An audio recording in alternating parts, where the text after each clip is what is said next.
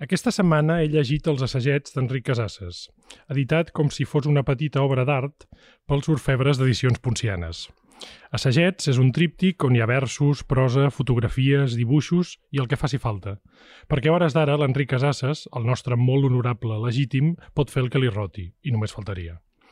Però als assagets, sobretot, hi ha versos, molts versos. Versos dedicats a les figures del violinista i compositor Paganini, a l'arquitecte Gaudí i a l'autor i director per a copla Blanc i Reinald. El primer assaget, Casases gaudeix de valent parlant de Paganini, del violinista que tenia fama de diabòlic, de tan ràpid i bé que tocava, però també del temps en què les sales de concert substitueixen les esglésies i els intèrprets es converteixen en els apòstols de l'art, en els nous déus. Disfressat de musicòleg, Casasses repassa l'única obra religiosa que va escriure el músic genovès, una versió coral del seu conegudíssim motiu de la campanella. Però diria que aquest assaget és molt més que una oda a Paganini. És una reflexió sobre l'art romàntic, és a dir, l'art de les obres lliures i dels homes lliures, que ho digui el poeta mateix. L'art de voler fer coses boniques de debò és revolucionària. Vol la situació, que sí que sigui guapa i que ho sigui per tots. El segon assaget és un petit compendi sobre Antoni Gaudí com a filòsof, sí, com a filòsof de les coses boniques de debò. Per fer-ho, l'autor demana ajuda a Francesc Pujols i passeja pels paratges del nostre arquitecte de postals i flaixos. Construir és filosofar, i Casasses filosofa sobre l'arquitectura, que diu, amb Gaudí, és l'ordenació de la llum, però també sobre la necessitat de no acabar la Sagrada Família i deixar-la ben oberta, com un queixal corcat. I fins i tot ens parla sobre la forma helicoidal de l'espardenya. Ara us ho explicarem, no patiu. Però la sorpresa arriba amb el tercer assaget, el de Josep Blanc i Reinal, i la seva sardana titulada amb el porron fresc. No diria que és el millor de tots, perquè això de fer rànquings és cosa d'idiotes, però sí que feia temps que no gaudia tant llegint un text poètic o filosòfic o dieu-li com vulgueu perquè amb l'excusa d'una sardana que és preciosa i urgiàstica, Casasses ens regala un cant a l'alegria i a la vida que té la força de la novena sinfonia de Beethoven. Aquest assaig, o assaget, sobre la sardana, és molt més important que el poema de, no sé, potser Maragall, sobre la nostra dansa, i també molt més important que totes les obres musicològiques plumíferes que s'han fet sobre el tema. Perquè no només repassa les sardanes d'en blanc, sinó que dibuixa l'acte mateix del ball, el fet de reunir-se al voltant d'un porró fresc, el gest de queixalar un meló i al capdavall la imposició de viure lliurement com un individu. Que torni a parlar al poeta i jo ja callo. I és que per damunt de cap filosofia molt més a fons que cap filosofia hi ha el fet de viure un viure individual. Hi ha el cas de viure un viure individual. I és clar, no falla. Tots hi som. Tothom en té.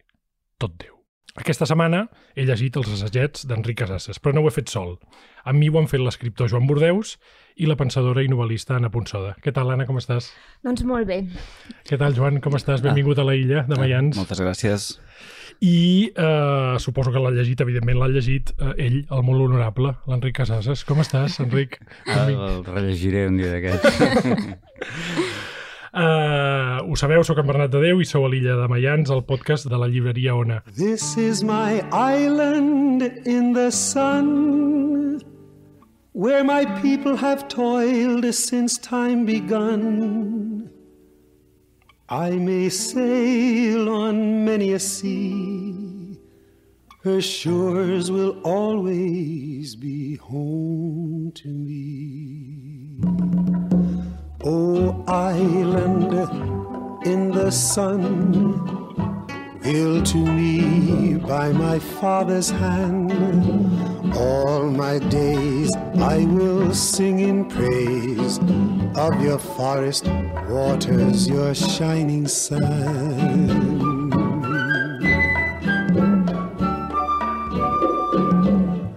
Primer m'agradaria que comencés a, a parlar l'Enric. Eh, d'on sorgeix, la, Enric, la idea d'aquest llibre? Per què agrupes aquestes tres figures? Què és el que et crida l'atenció d'aquestes tres en concret per fer-ne aquest tríptic tan, tan meravellós?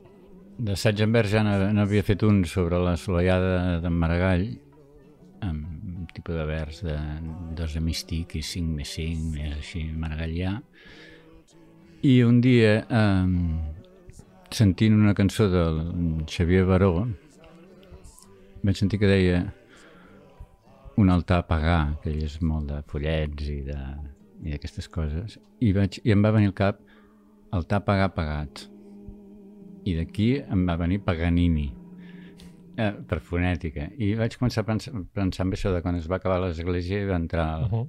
l'altar aquest apagat, que és el teatre, que si no l'encén la música, i a partir d'aquí em va anar sortint perquè havia pensat en això del Paganini feia temps que el tenia present, m'havia llegit una biografia grossa en dos volums gruixuts, una mica dolenta, una mica de xafarderia barata, escrita per una Yankee, però també altres coses, altres coses i correspondència i interessava molt el personatge. I vaig sentir la sardana aquesta amb el porró fresc un dia i vaig pensar, hosti, això i, i vaig pensar, faré un tríptic de musicologia, però entremig em va sortir la del Gaudí i, i el tríptic ha quedat diferent. Um, anirem per ordre, perquè som gent d'ordre, encara que no ho sembli, i parlem primer del primer assaget uh, què t'ha cridat l'atenció, Joan, del, de la figura de Paganini, que, com deia l'Enric, és una, eh, és una figura que és susceptible de xafarderia, però que jo diria que a nivell pensamental és molt, molt interessant. És, és, és més que un, un afer morbós, per dir-ho així. Per, per mi, per començar, hi ha una cosa que, tot i que ara acaba de presentar l'Enric els tres assajos quasi com una casualitat, que els uneix tots i que jo en Paganini ho trobo, que és, és ja per entrar en, en categories oh, filosòfiques, eh, entendre, per mi els tres són tres personatges de la sensibilitat, no? la sensibilitat com una categoria en comú, perquè tu tens formes de pensar, posem des de la lògica, des de, uh -huh. des de l'ordre i des de la sensibilitat. I per mi, tant Paganini com Gaudí com, com, com Blanc encarnen aquesta forma d'entendre l'art, al final aquesta cosa que diu l'Enric sobre la sensibilitat, no?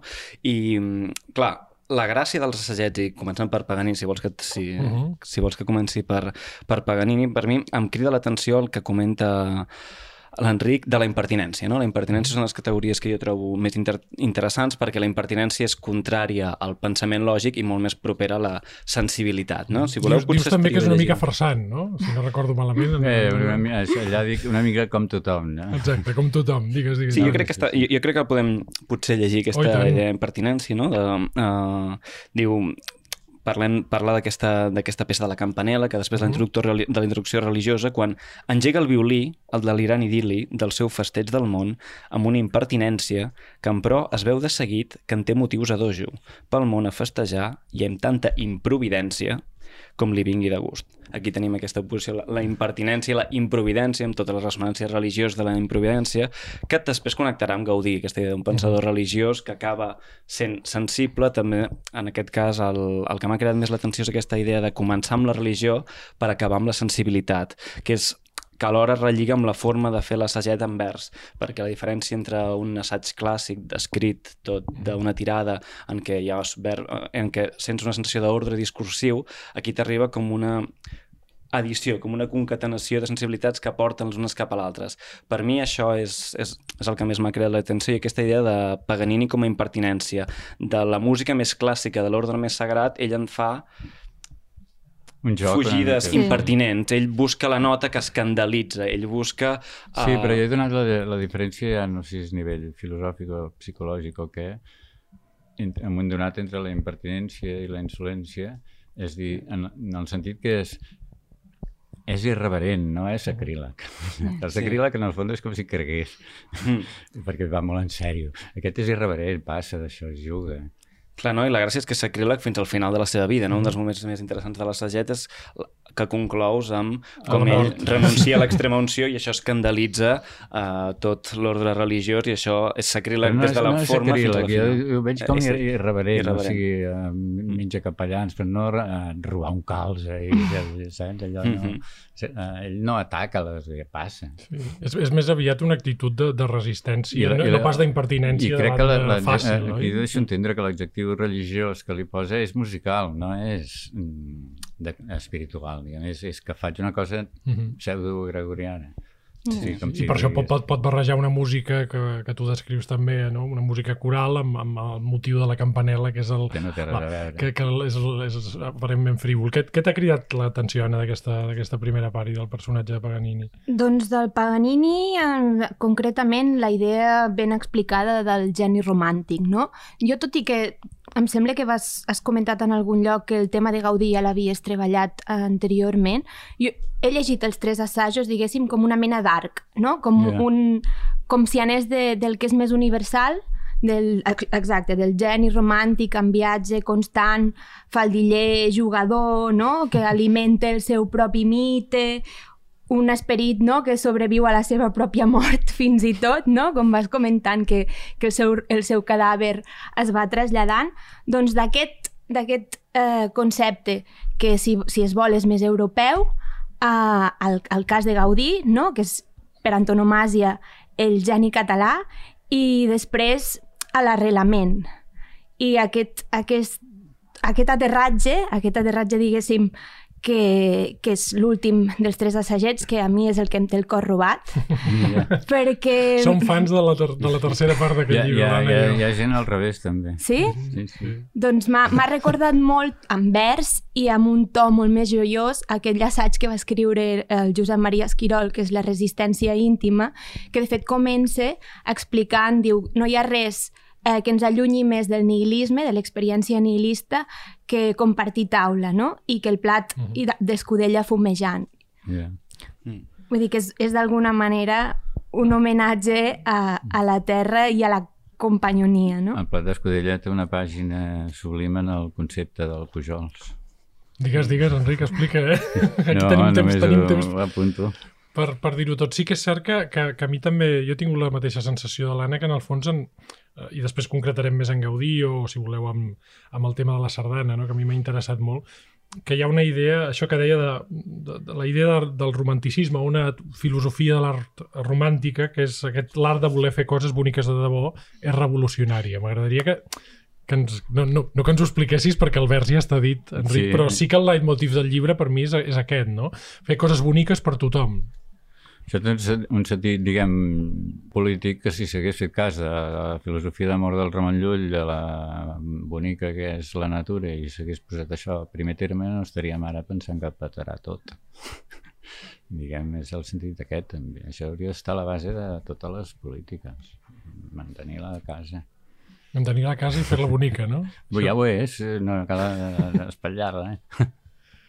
Digues, digues, Joan, que abans t'hem interromput. No, sí, uh, de fet, uh, tots aquests assajos, no? crec que, evidentment, aquí l'Enric el, que, el que intenta entretenir-se amb la seva concepció de la política, l'art i la idea d'utilitzar els personatges els porta al seu terreny, crec que tots sí. sentim aquesta cosa, i crec que, abans ho comentàvem amb Bernat, que, que no sé si en Paganini és, inclús el dibuix de Paganini s'assembla a un autorretrat d'en Casasses, sí. no? Vull dir, tots veiem que, que Paganini en certa, en certa forma és ell. I a mi m'ha fet, fet pensar, perquè jo, quan tocava la guitarra elèctrica, assajava un caprici de Paganini. I, i em fa... Ah, i... El 24, devia ser. Sí, el 24, és el exactament. Més, és el més famós, oi? Sí. És el I... que toquen els guitarristes. Sí, Exacte. Ho feies per vanitat, no per, no per interès Però musical. la gràcia que, que, que trobo que lliga amb, el, precisament el tema de la campanela, que és el que tu lliga, que, el que tu treballes, uh, va haver-hi una mena d'enfrontament amb Leeds, Frank Leeds, quan, el va, quan va escoltar el tema de la campanela, se'n va sentir... Uh, va, va, intentar fer, va intentar respondre i es va convertir en una mena de... al principi del duel virtuós. I jo vaig conèixer Paganini a través d'una pel·lícula que es diu Crossroads, que és una pel·lícula on hi ha un duel de guitarra uh, de guitarristes virtuosos, perquè igual que Paganini es considerava que havia fet un pacte amb el diable, els fundadors del blues també, es, també se'ls criticava mm. per haver fet un pacte amb el diable. I és curiós perquè el guitarrista que representava el dimoni era Enric Casasses, eh, sense el cabell blanc. Transfigurat. Però era Enric Casasses uh, transfigurat. I, I era bonic perquè... Havia tingut aquest... negre el cabell per, per sota. I, I aquesta idea del duel, no? Aquest de, de, el duel entre el, els músics que han fet un pacte amb el diable i els, els que no... Els són els dimonis blaus, crec que és. Sí. sí. Bueno, i, la, I la reacció a, a, a la música de blues i de rock per part del conservarisme nord-americà és, és dir-los... Sí. Sempre hi ha aquesta reacció, no? que és la música del diable, que és la música del dolent, que desvetlla la gent i la gent es posa a ballar. És a dir, sempre que s'ha fet una filosofia antimusical hi ha els, des de Plató hi ha la mateixa idea, que és que la, la música et pot arribar a excitar massa i pots arribar a pensar malament. No?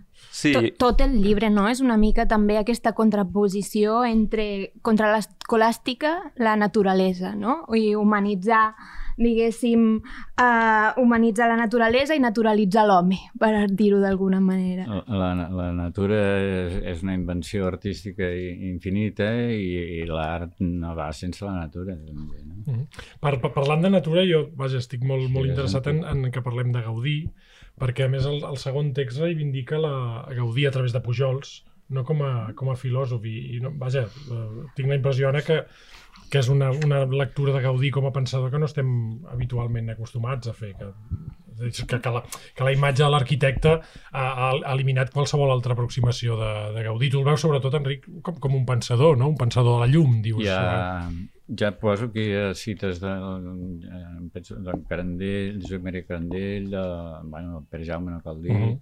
i d'altres que ha, Casa Martina, molt important, eh, Casa Martina i Parasols. Uh -huh.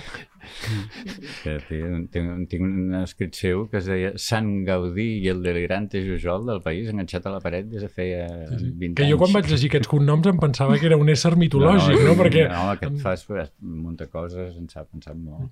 Què, què, què destacaries de... Vaja, de, jo diria que aquí hi ha un, un altre triangle que és, la, que és Casasses a través de Pujols i a través de Gaudí, no? Exacte. En la segona part, Anna. Sí, i aquest intent una mica de de combinar uh, la seva voluntat de, de, de pertànyer a una tradició amb les ànsies de, de llibertat, no? que en tu dius. I aquesta, a mi m'ha agradat molt aquest, aquest fragment que en dius. Si el vols llegir tu, que és, ho fas molt millor. Sempre que, que t'entrevisten i llegeixen els entrevistadors penso, va, calleu. doncs aquí, aquí a l'illa de Mayans manes tu. Oh, oh, Antoni Gaudí i Cornet, us he mirat amb cornet i he anat creixent fascinat de la vostra llibertat, d'aquest viure tan a prop dels orígens, del xarop d'immortalitat manyac que és la saliva del drac bavejant cap al passat. Mira tu. Mare meva. amb això ja l'havia donat voltes, surten sonets del Noiera, uh -huh. molt. Aquest sí que... Diuen, tres autors que l'han influït. En el cas del Gaudí segurament sí, no ho sé, però més aviat són tres autors que m'han enamorat, diguem. I com és que ho fas amb rodolins, diguéssim? És un homenatge a, a Carné o, o...? No, em va sortir així. Sí. Havien proposat fer una conferència de Gaudí i els, i els escriptors estava acabant o quasi acabant el Paganini, no sé ben bé, i va començar a sortir en vers, però no, per no fer aquell vaig, va sortir el primer rodolí i vaig dir, va, tirem. Hi ha, hi ha una apologia aquí de, de la llibertat, que jo penso que és molt interessant també, no? de la llibertat creativa que també veiem en Paganini en el, en el cantó de, de Gaudí. Que jo... A més a més, m'interessa molt que parlem del tema de la llibertat i la llibertat creativa perquè és, és d'aquelles paraules que les, les hem emprat tant que les, que, que les hem les hem gastat ja el concepte de llibertat, no? I aquí jo trobo que és, que és, que és un, un dels, vaja, dels, de, jo diria de les paraules i de les idees que l'Enric els, els hi dona la volta i els, les fa brillar de nou, no? Com si, com si necessitessin una mica de bugada i les, i, la, i les tornéssim a, a reformular d'alguna manera, Joan, no? Jo he tingut sí. aquesta impressió. Sí, per mi, i recuperant el que deia l'Anna de per què s'escriu en vers, eh, és molt xocant l'experiència de llegir un assaig en vers i té a veure amb això de la llibertat. Clar, quan abans parlava de sensibilitat, jo treballo una, amb una definició de sensibilitat és un filòsof que m'agrada, que es diu Franco Bifo Berardi, un italianat, un deleuzià, que diu que uh, la sensibilitat és la facultat que fa possible trobar un camí que no existeix l'enllaç entre coses que no tenen una implicació intrínseca ni lògica. Jo tota l'estona tinc aquesta sensació quan llegeixo un mhm. assaig en forma de poema. Quan veig la frase recta, tinc la sensació que hi ha una lògica intrínseca. En canvi, a cada salt de línia, l'Enric fa que salti d'una cosa a l'altra. A mi m'agrada molt aquesta part de... quan parles de com en Gaudí s'imita malament, en què just quan parles de l'arquitecte de l'univers, pots explicar a què, a, a, a què una, passes? Una altra petició. Aquesta, no, bueno, bueno. petició aquest, de lectura. Vers, aquest, aquest últim vers jo crec que escenifica aquests girs que de cop uh, fas una associació. De... Sí, ja aquest, diu... Sí. Uh, ara el present, parlant d'en Gaudí, no? com limita malament, enganya els materials, ho fa tot de plàstic fals i fa cas omís del nus geomètric amb què cus l'arquitecte l'univers que és el de l'oli dispers damunt de l'aigua terral de l'escarola. Clar, aquí hem passat de l'arquitecte que cus l'univers còsmicament a l'escarola, l'oli, l'aigua amb sal, i després una cosa interessant d'aquest assaig és com treballes les citacions, no? Fas citacions de l'obra de Gaudí mentre tu vas fent el teu assaig d'una forma intercalada. És Però, a dos veus, sí. Clar, I aquí has agafat un passatge seu en què parla de de, de com fer una amanida i tu amb aquesta forma lliber, de llibertat, aquest, aquest sentit de llibertat plena de que has trobat un camí on no n'hi havia i, uh, i ho has fet d'una forma que és contrària al que deia a l'escolàstica, al desplegament racional, sinó que de, de cop, perquè tu has decidit en aquest assaig que l'ordre còsmic té a veure amb l'oli, la sal, l'escarola, de cop això és el que tu experimentes quan, és que quan per Gaudí, l'enciam i l'escarola són eh, coses petites amb moltíssima superfície per la forma que tenen. Això li interessa molt. Ah, són, són formes d'arquitectura, no? Arquitectònicament es troba i, i com es dispersa l'oli sobre l'enciam també en parla. I... Uh -huh. I quan dius del temple nou, no? que d'alguna manera només n'hauria de quedar el portal per passar a l'altra banda i presentes ja uh, el món com a temple, també. Això em ve de Manganelli, que el cito, que era una interpretació molt maca. A part, eh, eh, és un llibre que es diu A i B, està traduït en castellà, em penso que són entrevistes imaginàries, la majoria de personatges que ja són morts, i amb la del Gaudí, la Gaudí el Gaudí li explica com, com si les, cada pedra una per una les anés a buscar a la muntanya per fer l'edifici, li explica tot de coses, i el temple com el porta. Mm -hmm. Aquesta idea de... El porta de... és el portal del naixement, Clar. o sigui, ella inclou tota la Sagrada Família, si hi ha el naixement hi ha pare, mare i fill. Sí, és la idea també que, que, que dèiem al principi de l'arquitecte que posa llum a les coses que ja estan fetes, no? Aquesta idea tan única de l'escarola i l'arquitecte és, és qui... qui L'altra idea que tinc aquí és estava inacabada la Sagrada Família. Això, això m'encanta, això, això ho hem de tocar perquè m'encanta la idea aquesta del... del, del, del de, bueno, ja sabeu, el, i els oients ho sabran, que sobre el, el, el fet d'acabar o no acabar, o acabar-la de la manera que s'ha acabat, que és, el, el, el meu entendre, altament espantós a la Sagrada Família, ja. va ser motiu de polèmica als anys 80 i 90 i encara ho és. No? Ja hi havia estat, sí. sí però, I a més va haver-hi discussions tremabundes quan en, en, el Sobiracs va, va, va, va fer la, la, la portalada, però a mi aquesta idea de deixar-la inacabada, que amb jo la qual especules... La, la, la, la cosa aquesta que la fessin de goma sí. i plàstic a la zona franca. Però dius, no sé si era Dalí que deia que s'havia de deixar... No, inacabada... Com a menys deixar, deixar el corcat. Que la, la, la imatge és, és preciosa, eh, realment, perquè és, és, és, és clavada. És eh? del temps que el Dalí estava en contacte amb el Pujols, als anys 60. Que és també el Dalí Era l'únic que li feia cas en aquell temps, en el Pujols. Mm. Jo agafo aquesta idea de... Això que has dit de la sensibilitat no havia pensat així, però la, la, la forma filosòfica de funcionament de, de Llull per analogies més que per deduccions, que l'agafa el Giordano Bruno, que l'agafa el Pujols, és, és la més artística, diguem. Bueno, i ara que parles de Bruno, no? una mica aquesta idea de, de, del món com a temple, eh, és, és això, és, és l'anima mundi, que, que el romanticisme, sí. no? Sí, o sigui, sí. bueno, de fet, els orígens platònics que pugui tenir... No? Hi ha una cosa, això que dius ara, del romanticisme, de... D'una banda veig el Paganini com l'artista romàntic per excel·lència de figura i de tot. L'individu romàntic. I per l'altra banda, sí, sí, i per l'altra banda, mm, tot el que fan els músics romàntics, que és allò que diuen els que se'n foten de música autobiogràfica, ell no, ara tira per aquí, talla en sec, ara tira per allà, i no saps realment ell què li passa. O sigui, no, no, no és confessió com a tants, tants artistes romàntics. Sí, sí, per això jo deia que, el, això és la, contra, és la contraportada. Del sí, sí, que, que em semblava sobretot un, un, un llibre de filosofia del romanticisme, no? bàsicament, pel romanticisme la, pensat com la llibertat de formes. De no? la invenció, això M'ha donat molta canya sobre el tema de la llibertat en l'art els pròlegs de la Víctor Català. Mm. Explica't, explica't. Sempre reivindica aquest concepte. O sigui, Caterina Albert té moltes aplicacions, però Víctor Català és lliure. Mm. És nostre. Eh? És lliure, diu ella. O sigui, aquest fa pot tenir compassió no, però és absolutament lliure, és l'artista. Ella no compleix com a persona i també té a veure amb la diferència entre el talent i el geni, no? D'alguna manera. Sembla Això com ja... que el, el geni és el que surt d'aquest sistema i és, és l'únic que, que en segons eh, quins espais, com potser la nostra cultura, doncs sembla que dona més genis que més de talent, d'alguna manera. No sé com dir-t'ho. O sigui, yeah. com si l'única forma uh, de desventrar uh, aquest, aquest, aquesta norma sigui això, rebentant-la per dalt, no? perquè adaptar-s'hi suposa un empetiment. No sé ben bé si, que, què vols dir ni si estic No, pensava en el cas de Gaudí, o sigui que, que, que és, és, és interessant és que, per la home, seva... És, és una pleia del moment de Gaudí, o sigui, aquí jo parlo de Gaudí, però si hagués agafat el Jujol o el Domènec Montaner, mira, l'altre dia ja estava veient fotos del Palau de la Música mig fer, allò és un prodigi de, de tècnica catalana. D'orfebreria. El, el, terra de la platea, que està al primer pis, que yeah. és molt raro, és, és, és com una fullola, és un paper de fumar, però està fent d'una manera que ni vibra, ni, tal, és, és una joia. Allò. O sigui, el, el Gaudí forma part, sí que hi ha un coixí de... De relacions i de... genials o, o quasi. No sé, aquest que geni és una paraula, jo no la faig servir gaire. Però... Yeah fa por, només la, la crec amb el Dalí perquè ho diu ell.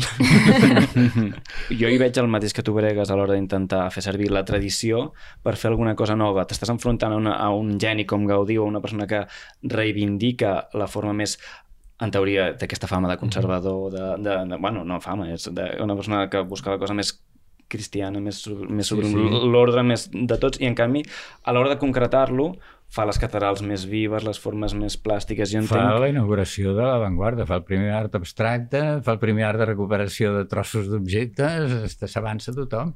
Sí, sí, és un artista del 20, no? En, en, sí, sí, en temps, en temps romàntic, clar, no? La jo, clar, jo veig alguna similar quan tu les paraules, no?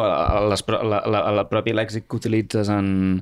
està ple de, per exemple, el Parc Güell escrius amb K, una, una, una cosa, una cosa d'aquest... Utilitza aquests col·loquialismes tota l'estona, això que dius el Parc que... Güell és que ell sempre ho firma amb K.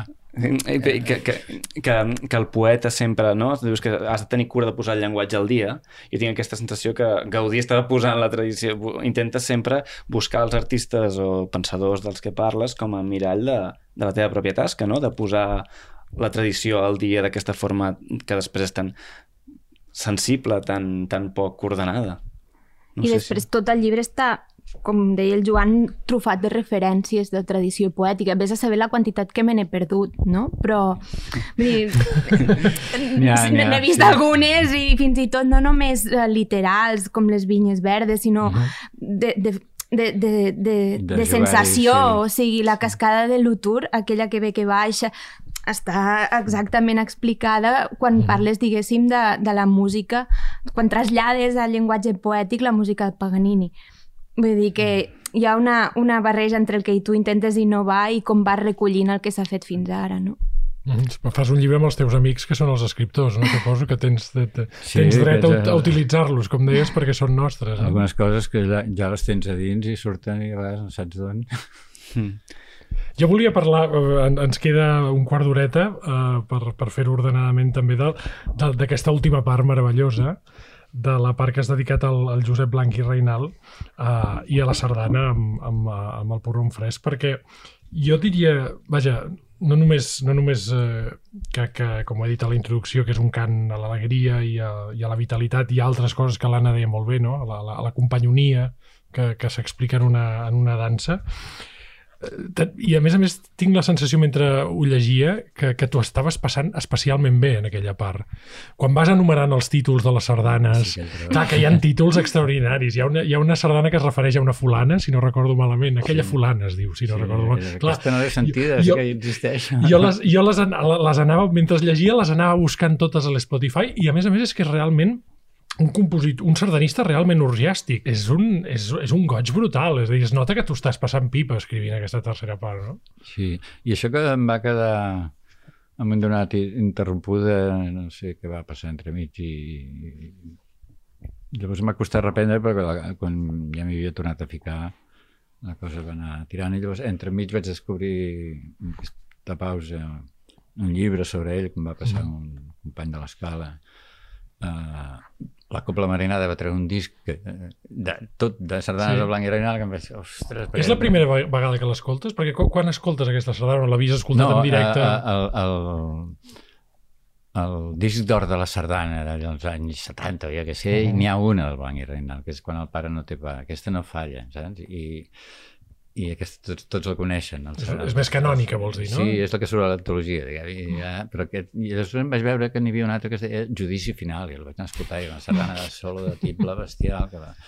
I llavors vaig anar mirant i vaig començar a veure aquests títols, vaig començar a buscar, costa molt el món tradicional de la sardana, internet encara no han arribat. Sí, és veritat. Ja, ja Has de remenar arxius. amb tots els títols, però de, que escoltar coses et trobes...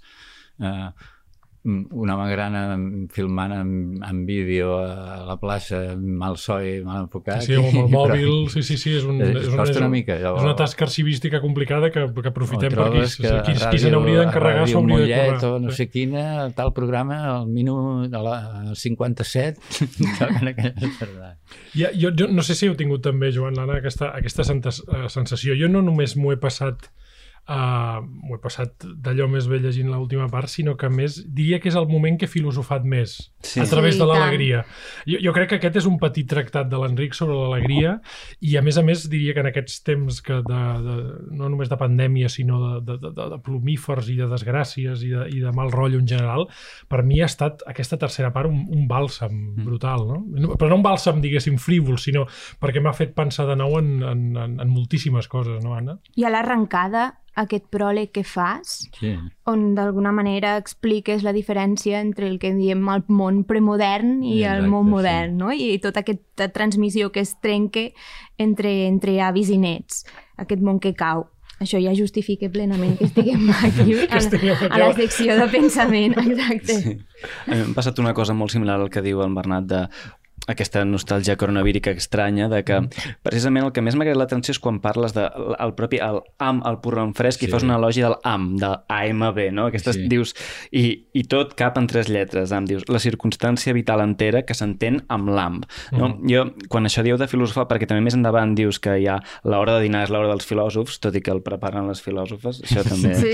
ho comentes, hi ha, hi, hi ha aquesta idea que de, de nostàlgia, de, de ara ho estem pensant tot a través de uh, sols, sense menjar, sense, sense, sense, sense aquests llenguatges que no són verbals, només podem llegir llibres.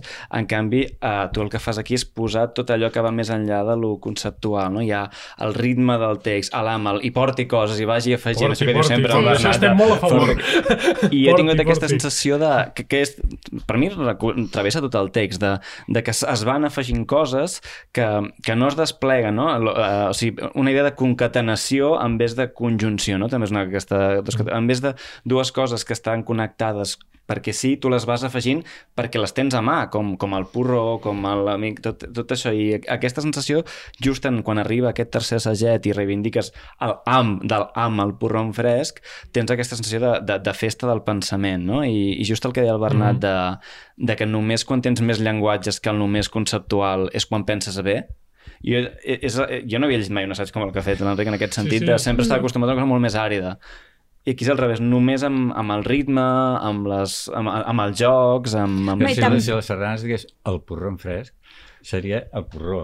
Però amb el porró en fresc som nosaltres. Clar, és, és tota la xarxa que ho lliga i és, és el que, d'alguna manera, quan dius que això dona una seguretat no? que no és, la de, no és la de les assegurances, és un altre tipus de seguretat. Ja, és la bé. seguretat de la que parirà i és la seguretat de la mort, però d'una mort no tràgica, no? d'alguna manera, de l'acceptació. I hi ha en, en, aquest, en aquest últim assaig, per mi, això, una, una diguéssim, una certa acceptació i un, i del, del, de, la, de, la, de la pròpia vida com, com un fluir, no? I és el, el que lliga més eh, amb la quotidianitat i el que d'alguna manera es va perdent perquè per, per, parlem i pensem en termes estrictament conceptuals. No? Sí, a mi, a mi m'interessa molt la, novament amb, amb, la, amb la idea que tenia aquí parles molt, aquest, aquesta cita m'ha agradat molt aquesta, de, de, hi ha el fet de, de viure un viure individual Sí, novament utilitzes una paraula que a mi m'interessa molt abans parlàvem de la llibertat ara parles de l'individu també és una també és un d'aquests conceptes que hem sobregastat eh, i l'hem fet servir tant que al final jo crec que quan parlem de llibertat o parlem de, o, o fins i tot de llibertat individual ben bé no sabem el, el que estem parlant perquè hi ha la llibertat individual del, del qui gaudeix, del músic en aquest cas del qui interpreta, del Paganini però després hi ha aquesta idea d'una altra noció que nosaltres tenim fins i tot per nosaltres una mica queca eh, a Catalunya que és la plec no? la, Ah. aquesta idea del, de la plegar-nos, del compartir una taula que eh, mm, filtrada a través de- d'una filosofia queca pot ser mm, horrorosa Mm, aquí jo crec que reguanya tot el, tota la seva força, no? la, I la tant. idea de, de, de fer coses alegrement estant junts, no? aquesta idea platònica fins i tot del, del banquet, no? Eh, Sí. Joan, de, de, de, de, de pensant, pensar gaudint, gaudint-nos, no? és una espècie de, de cosa orgiàstica. Sí, de fet, ha aquesta paradoxa Plató que mai sap si ell defensa el que defensa o critica perquè ell mai posa en relació. Ell té una frase a les lleis que diu que les ànimes dels bevedors eh, a la flama del vi com una peça de ferro rejuveneixen, no? I eh, jo tinc aquesta sensació relació amb, amb el porró, però quan parles això de llibertat individual, i abans l'Enric ho comentava, jo crec que també està bé aquest punt polític que ella ha reivindicat i que després hem perdut. En aquest assaget ja comença amb, amb una reivindicació de la vida de mas, la vida pagesa, com, i fas una reivindicació política, dius que uh, els governs no, no, no són mira humà, no són fruit de cap bon tracte, dius llur raó, raó en la força, tenen poder però no tenen autoritat, però jo crec que és curiós perquè el, el fil polític que, que travessa tot això, de, que, que arriba fins a la plec, jo, jo no sé si que tu abans has comentat i que connecta lo d'abstracció i sensibilitat, és que per tu la, la, la part... Eh, quan parlem del capitalisme, quan parlem de la intel·ligència artificial, de les matemàtiques, dels números, són abstraccions mm i que no són extraccions, extraccions conceptuals i tu veus la llibertat en fugir de l'abstracció potser i en, en el mas, en el porró, en la, en la cosa concreta. No sé si el, el punt polític, aquesta mena de... una cosa que també és molt tradicional nostra, no? Sí. De, de, de, aquesta mena d'anarquisme de, sí. de, de mas. No sé si, no sé si el, el, el punt polític aquest que... Anarco... El Dalí no? Allò que diu sí. embolicar-se, empatullar-se i embolica que fa fort, deia en Dalí, no? L'anarquia. Sí. I, I no sé, en aquest punt, la poesia, o sigui, la llibertat poètica eh, com, com a punt polític que tu fas. Quan, quan comences, no? I, parles del capital, quan parles de les... O sigui, acabes sí, sí. criticant el, les deixalles que genera el capitalisme, però arribes a la sardana. És un, no és tan fàcil de, de fer sí, sí, aquest lligam. La sardana té molt mal entès i, i, i no, no és un folklore, és una art d'autor del segle, que comença al principi del segle XX, pràcticament. És, és, són músics contemporanis, els nostres Stravinskis, Enriquez Moreres i Garretes i companyia. I, i el Blanc era molt amic del Morera, que hem fet moltes coses. Però ara que parles de folklore, no? També d'alguna manera... Una nova noció que tenim, Clar, que tenim o sigui, mal entesa, oi? Sí, se'n sol parlar en termes despectius i en realitat tot aquest llibre és com una inversió del que entenem per folklore que es podria resumir amb aquesta, amb aquesta cita sí. final, no? Aquesta cita final hi he pensat després del llibre perquè he, he entrat en aquest compositor del segle XX, Joan Manent, mm, i he vist que és, Paganini, que és Paganini que fondo sí, i sí, sí. Eh, vaig, això no en tenia idea. Sí, sí, se n'està recuperant molta obra. És genial! Sobre, fa unes variacions sobre temes tradicionals eh, el, que li donarem a la pastoreta en violí i piano, que és divertidíssim, és, és com un Paganini català. Però això ho he descobert després. L'Anna et vol fer una altra petició de lectura. No, per quan, per, aquesta li va encantar, tancar, aquesta perquè... quan ho va llegir li va encantar també el meu amic eh, músic Feliu Gasol. Sí, guitarrista fantàstic, sí. Els cants populars són patrimoni... Això ho diu Josep Blanc i Reinal en una entrevista l'any 31. Els cants populars són patrimoni de la terra jo crec que aquestes cançons espirituals s'haurien de posar a les mans enteses dels compositors més hàbils i més destres de Catalunya. Els compositors rudimentaris i primitius haurien de tenir vedat al camp del folklore. No fan res més que malmenar i estrafer la tradició musical del nostre poble. Els compositors incomplets i mediocres s'haurien de reduir a tractar temes exclusivament originals. És boníssim. Sembla, és boníssim. Sembla és boníssim. Pujols o del Gaudí, també. Sí, sí, podria ser perfectament una idea pujolciana. Eh? I tant. Però, però... D'això que has dit abans sí que n'hi ha d'autors d'ara, el Jordi Lara, sí. sobre la sardana. Sí, és veritat. I, i que jo aquest el vaig conèixer un, van fer una, un disc de copla sinfònica de Catalunya, sí. no sé què. I, el llibre sobre la màquina d'espavilar ocells de nit, que és molt bonic. I abans, sí. Llegint el llibret del CD, que hi ha unes descripcions normalment de les músiques que fan pena i, oh, mira que interessant i que ben escrit. I mira, sí, Jordi sí. Lara, això ho vaig conèixer. Sí, sí, i a vegades jo recordo, s'explica sempre l'anècdota que és molt típica de quan Leonard Bernstein va visitar Barcelona, que quan va sentir el so de Copla va quedar absolutament enlluernat i li va interessar moltíssim el so de la... perquè realment un so, eh, vaja, jo que he voltat una mica el món escoltant sons molt, molt original, no? Però sí ha que... Una, mi... Hi ha, hi ha una, una mica heavy del el, el brasiler, com es diu, el, el, el Villalobos, Ah, l'Eitor Villalobos. Que em va sentir això, va dir la ternura, és, és com un oboe amb un parell de collons. Exacte. Sí, perquè sembla, sembla que els estiguem un, hi, hi ha més apretats, diguéssim. Però, però jo, a mi m'interessa molt que acabem, tenim cinc minutets, que parlem mm. realment d'aquesta visió política. A mi m'ha interessat molt el que deia ara l'Anna, perquè hi ha molts... Digues, digues, Anna, que, que, no, no, no, no. Veig, la veig saltant no, no, amb ganes de parlar. No, li volia preguntar si aquesta saviesa, diguéssim, de la, de la taula compartida es, es descobreix a mesura que passa el temps, perquè com com comentes que Blanc, entre els 30 i els 40, diguéssim que bàsicament tenia visions femenines i aquesta obra eh, és, una, és una obra, diguéssim, de, de, de, de bellesa, no? De, volia saber si és... Volia, bé, volia saber si és una, una, una, un aprenentatge que et dona la vida. Suposo que en aquest cas sí, i, i em fa efecte que això va molt, eh, com deia ell, eh, d'individus, o sigui, hi ha de tot, hi ha gent que comencen amb la brillantor total i després es van mantenint les curves de l'evolució de cadascú hi ha de tot en aquesta vida D'acord, o sigui, no és que la... Hi ha gent que no aprenen mai res. Ja. uh, igualment, per això, per, per, per acabar, us deia ara, parlem una mica del, de, de la... Jo crec que és un llibre de molta reivindicació política, entenent per política el que us deia abans, no? agafar certs... Ara parlava l'Anna de folklore, no? Quan, quan, per exemple, algú vol titllar una manifestació d'això de queca, de, de, de, de demode, diu això és folklore, o el catalanisme és folklore, uh, apel·lacions a la llibertat. A mi, m'interessa molt com aquest llibre, jo diria que és... Vaja, si jo, si jo el pogués copiar mil vegades i passar-lo als instituts, m'agradaria molt, perquè és un dels llibres més més eh, em surt dir antiprocessistes que he llegit en, en els últims 10 anys perquè redimensiona molt eh, eh, nocions que jo diria que la política ha espatllat tant en els últims anys que a mi em sembla una, una alenada d'aire fresc. No sé, no sé si heu tingut aquesta mateixa sensació. I és un llibre que, a més a més, vol ser polític, començant pel fet de que Enric escriu, l'escrius en minúscules eh, per, per, per un fet que ens pots explicar, vaja. Sí, vaig decidir que en el Gaudí encara, ai, en el Paganini encara no, però després ja van empresonar aquests polítics i no polítics i vaig dir, doncs ara com, com a llacet faré bé. A minúscules, I no sé, hi ha, hi ha moments que costa de mantenir, perquè hi ha sí. el punt i després en minúscula a vegades no veus el punt.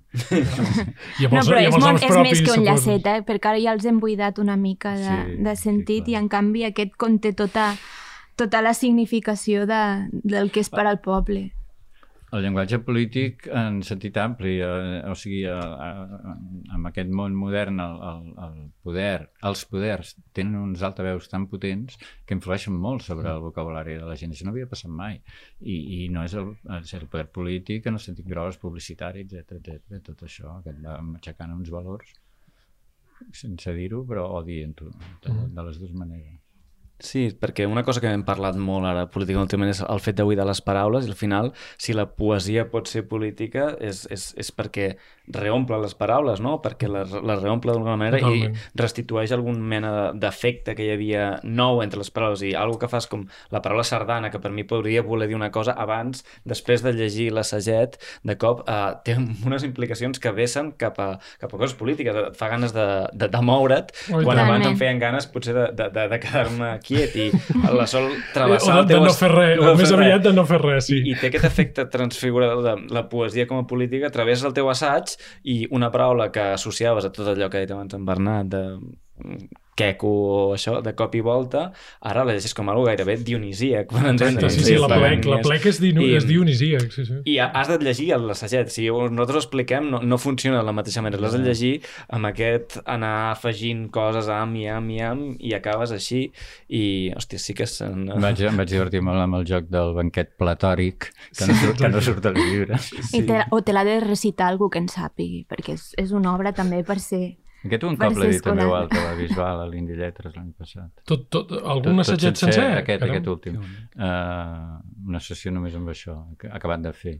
Caram. La germania humana de la parla que sí, ho fa possible. Sí, sí. Que tant de bo poguessis fer això, tot, totes les paraules que hem gastat, donar-los Enric Casasses perquè les reompli. Sí, perquè, n'hem, perquè, perquè n'hem gastat, n'hem gastat unes quantes. Aquell, no, d'agafar trobes en poetes i allò, allò era un cliché perquè li ha donat vida, llavors canvia completament. Uh, sempre li demanem al nostre convidat que, que triï una música associada al, al llibre en qüestió.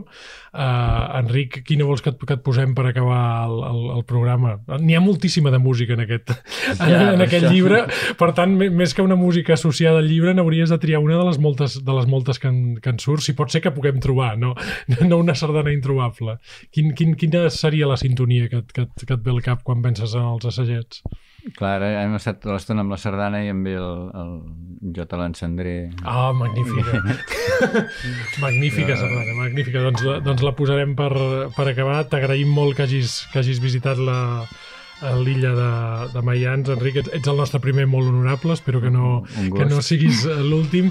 Uh, suposo que estàs escrivint, això no, no cal ni preguntar-ho. Uh... Volia fer poemes però només em surten idees. I també abans d'escoltar de, la, la sardana li agraeixo molt a l'Anna i, el, i el Joan que hagin estat amb nosaltres i ens escoltem la setmana que ve a l'illa de Maians.